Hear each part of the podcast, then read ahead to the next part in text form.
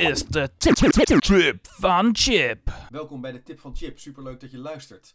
In deze podcastserie geef ik in 10 tot 12 minuten op hoofdlijnen inzicht en overzicht in een thema. En het eerste thema wat tijdens deze Tip van Chip centraal staat is verandermanagement.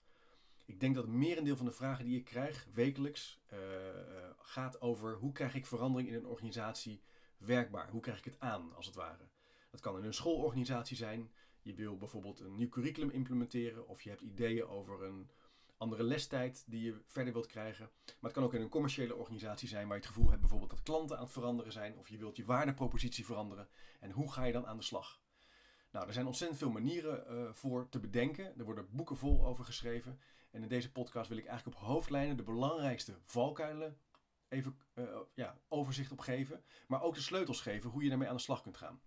En dat doe ik op basis van de chipcast die ik uh, wekelijks geef, www.chipcast.nl.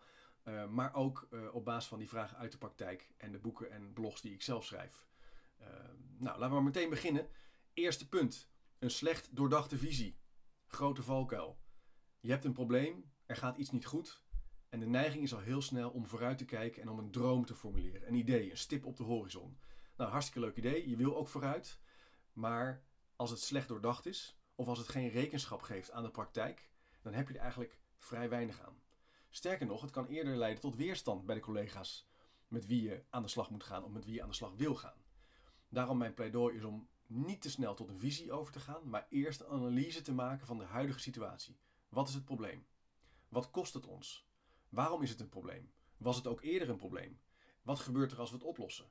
Is het haalbaar om het op te lossen? Analysevragen die er echt toe doen. Je zou bijna kunnen zeggen: besteed meer tijd aan, je analyse en ga dan vooruitkijken. En dan wordt de kans dat het gaat werken en dat het gaat bewegen veel groter. Een bijkomend voordeel is ook dat je collega's kunt uitnodigen om die analysefase samen te doen. Punt bij een slecht doordachte visie is meestal ook dat die visie wordt bedacht door een kleine groep mensen. Bijvoorbeeld iemand in de toppen, heel klassiek zijn dat dan de, de bestuurders of de directeuren, maar meestal is dat niet zo. Het kan ook best een communicatieafdeling zijn of een groepje teamleiders die enthousiast is. Maar je hebt te maken met menselijke processen. En dat is er bijvoorbeeld, de eerste is bijvoorbeeld, ik wil niet zo snel aan een andermans visie werken. Dus ik heb daar gewoon zelf ideeën over. Dus een slecht doordachte visie, te eenzijdig bedacht, werkt niet. Focus je op de analysefase. Tweede punt is dat je gaat denken dat het plan de oplossing is. Grote valkuil. Je hebt gewoon een mooi plan gemaakt. Je hebt activiteiten, je hebt overzicht, je hebt een hiërarchie, je hebt de structuur uh, ontwikkeld. En dat klopt helemaal. Waarom werkt het niet? Nou, het werkt niet omdat een plan, als mensen er nog geen eigenaarschap op voelen, of nog niet zien dat er een probleem is, alleen maar leidt tot weerstand. Het lijkt op het eerste punt, alleen het is eigenlijk de visie uitgewerkt in een plan. Dus pas op met het denken in plannen. Pas op met het denken dat een plan werkt. Een plan doet eigenlijk niks. Je zou kunnen zeggen, in de meeste organisaties liggen er stapels plannen en veranderinitiatieven op de plank. En als je mij 10 minuten geeft, kan ik voor elk vraagstuk wel een plan van aanpak maken. Maar het gaat pas werken en het gaat pas bewegen als mensen er zelf mee aan de slag gaan. Dus laat ze zelf maar een plan maken. En als leidinggevende aan een verandering heb je eigenlijk de plicht, zou je kunnen zeggen, om elk initiatief te omarmen.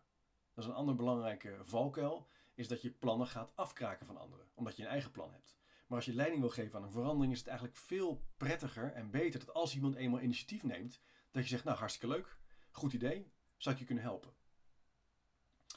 Derde valkuil is uh, dat de lijnorganisatie, en daarmee bedoel ik de verantwoordelijke structuur, dus elke organisatie heeft een bepaalde structuur die uh, zorgt voor de prestatiedoelen, maar ook zorgt voor de, de, de communicatie, maar ook de doorvertaling van een missie, visie, strategie, kernwaarden uiteindelijk op de werkvloer.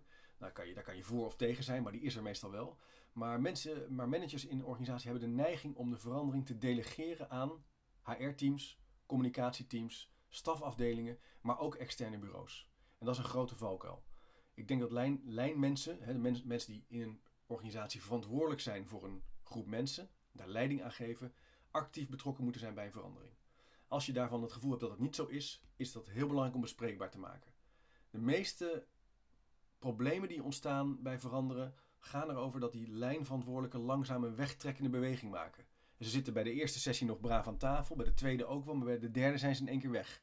Of ze zeggen dingen als ik stuur op de, nou ja, noem het maar eens, de piketpaaltjes of de why of dat soort dingen.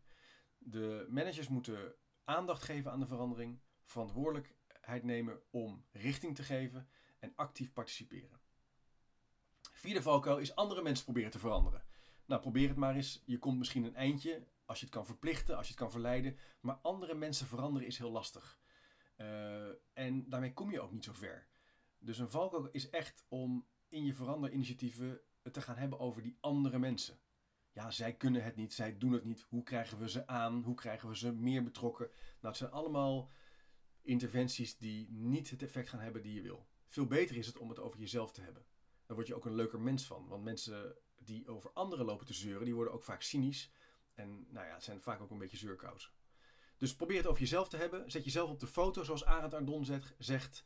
Uh, uh, heb het over je eigen regelruimte, je eigen invloed. En dan veranderen anderen ook wel mee. En je kan wel mensen aanspreken op ander gedrag of op wat je wil. Dat is wat anders. Maar dat aanspreken moeten we dan wel doen. En als je het niet doet, moet je het niet over anderen gaan hebben om hun heen. Volgende valkuil is dat je de onderstroom wegmoffelt. En met de onderstroom bedoel ik dat je gevoelens van onveiligheid, werkdruk, maar bijvoorbeeld ook verveling of uh, ja, patronen die er al langere jaren zijn, niet erkent. En ik hoop dat als je in een analysefase komt, dat je die onderstroom ook gaat zien en ook in kaart brengt. Het zijn eigenlijk de dingen die je niet op papier kunt zetten, maar wel voelt. Dat kan gaan over, nou ja, grote groepen collega's hebben eerder al een verandering meegemaakt en dat is helemaal niet goed gegaan. Of er zijn heel veel verschillende leidinggevenden geweest. Of er is een groot probleem geweest met een klant wat ons veel geld heeft gekost, waardoor mensen onzeker zijn om de verandering ook te laten zien. Uh, het kan ook zijn dat er een gevoel is van onveiligheid. Uh, nou, het zijn dingen die echt belangrijk zijn en waar je ook wel wat mee te doen hebt als veranderaar. Laatste valkuil die ik wil, uh, wil noemen is kleine successen en fouten bagatelliseren.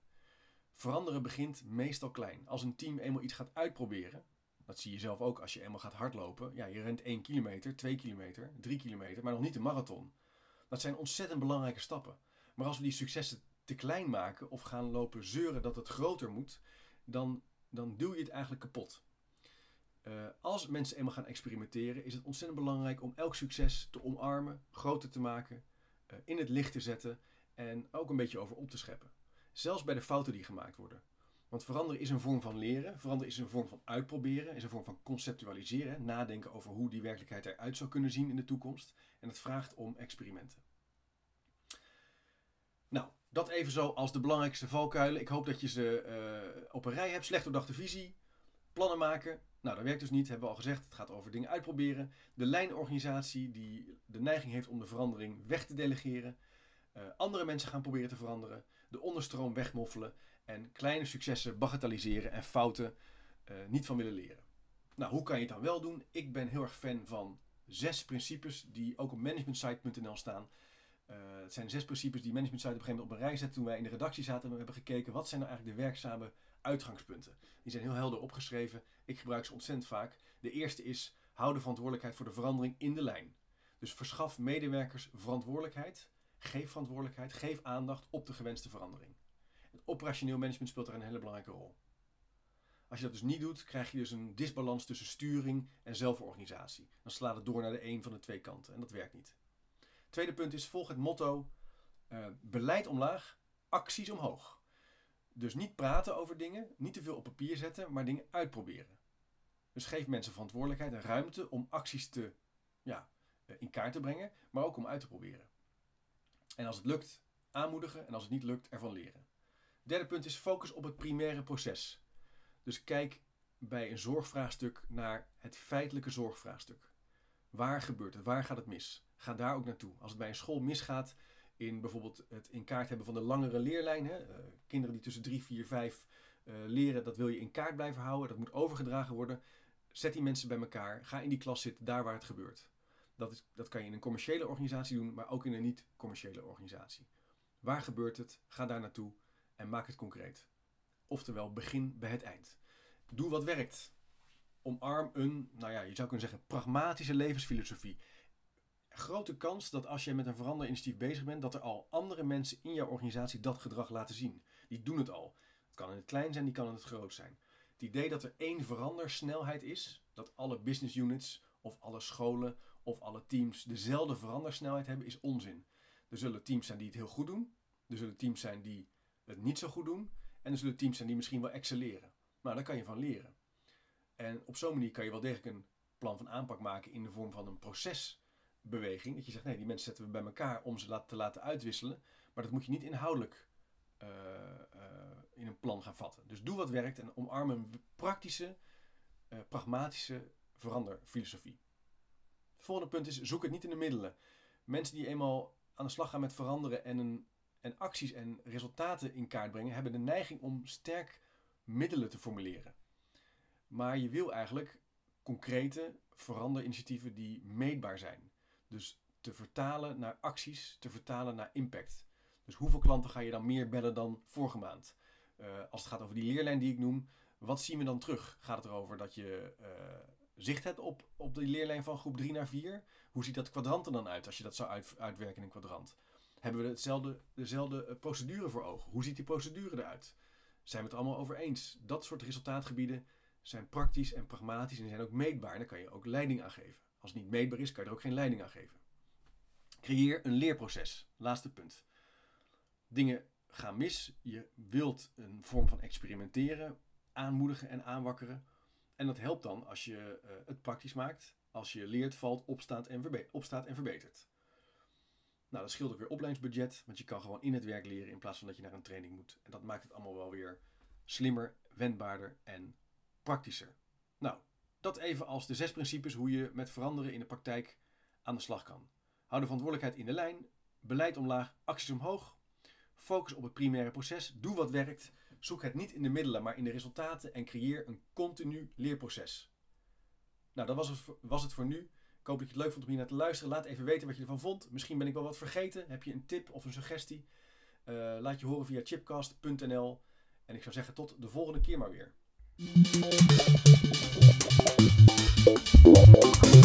Dit is de Trip van Chip. Dit is de Trip van Chip.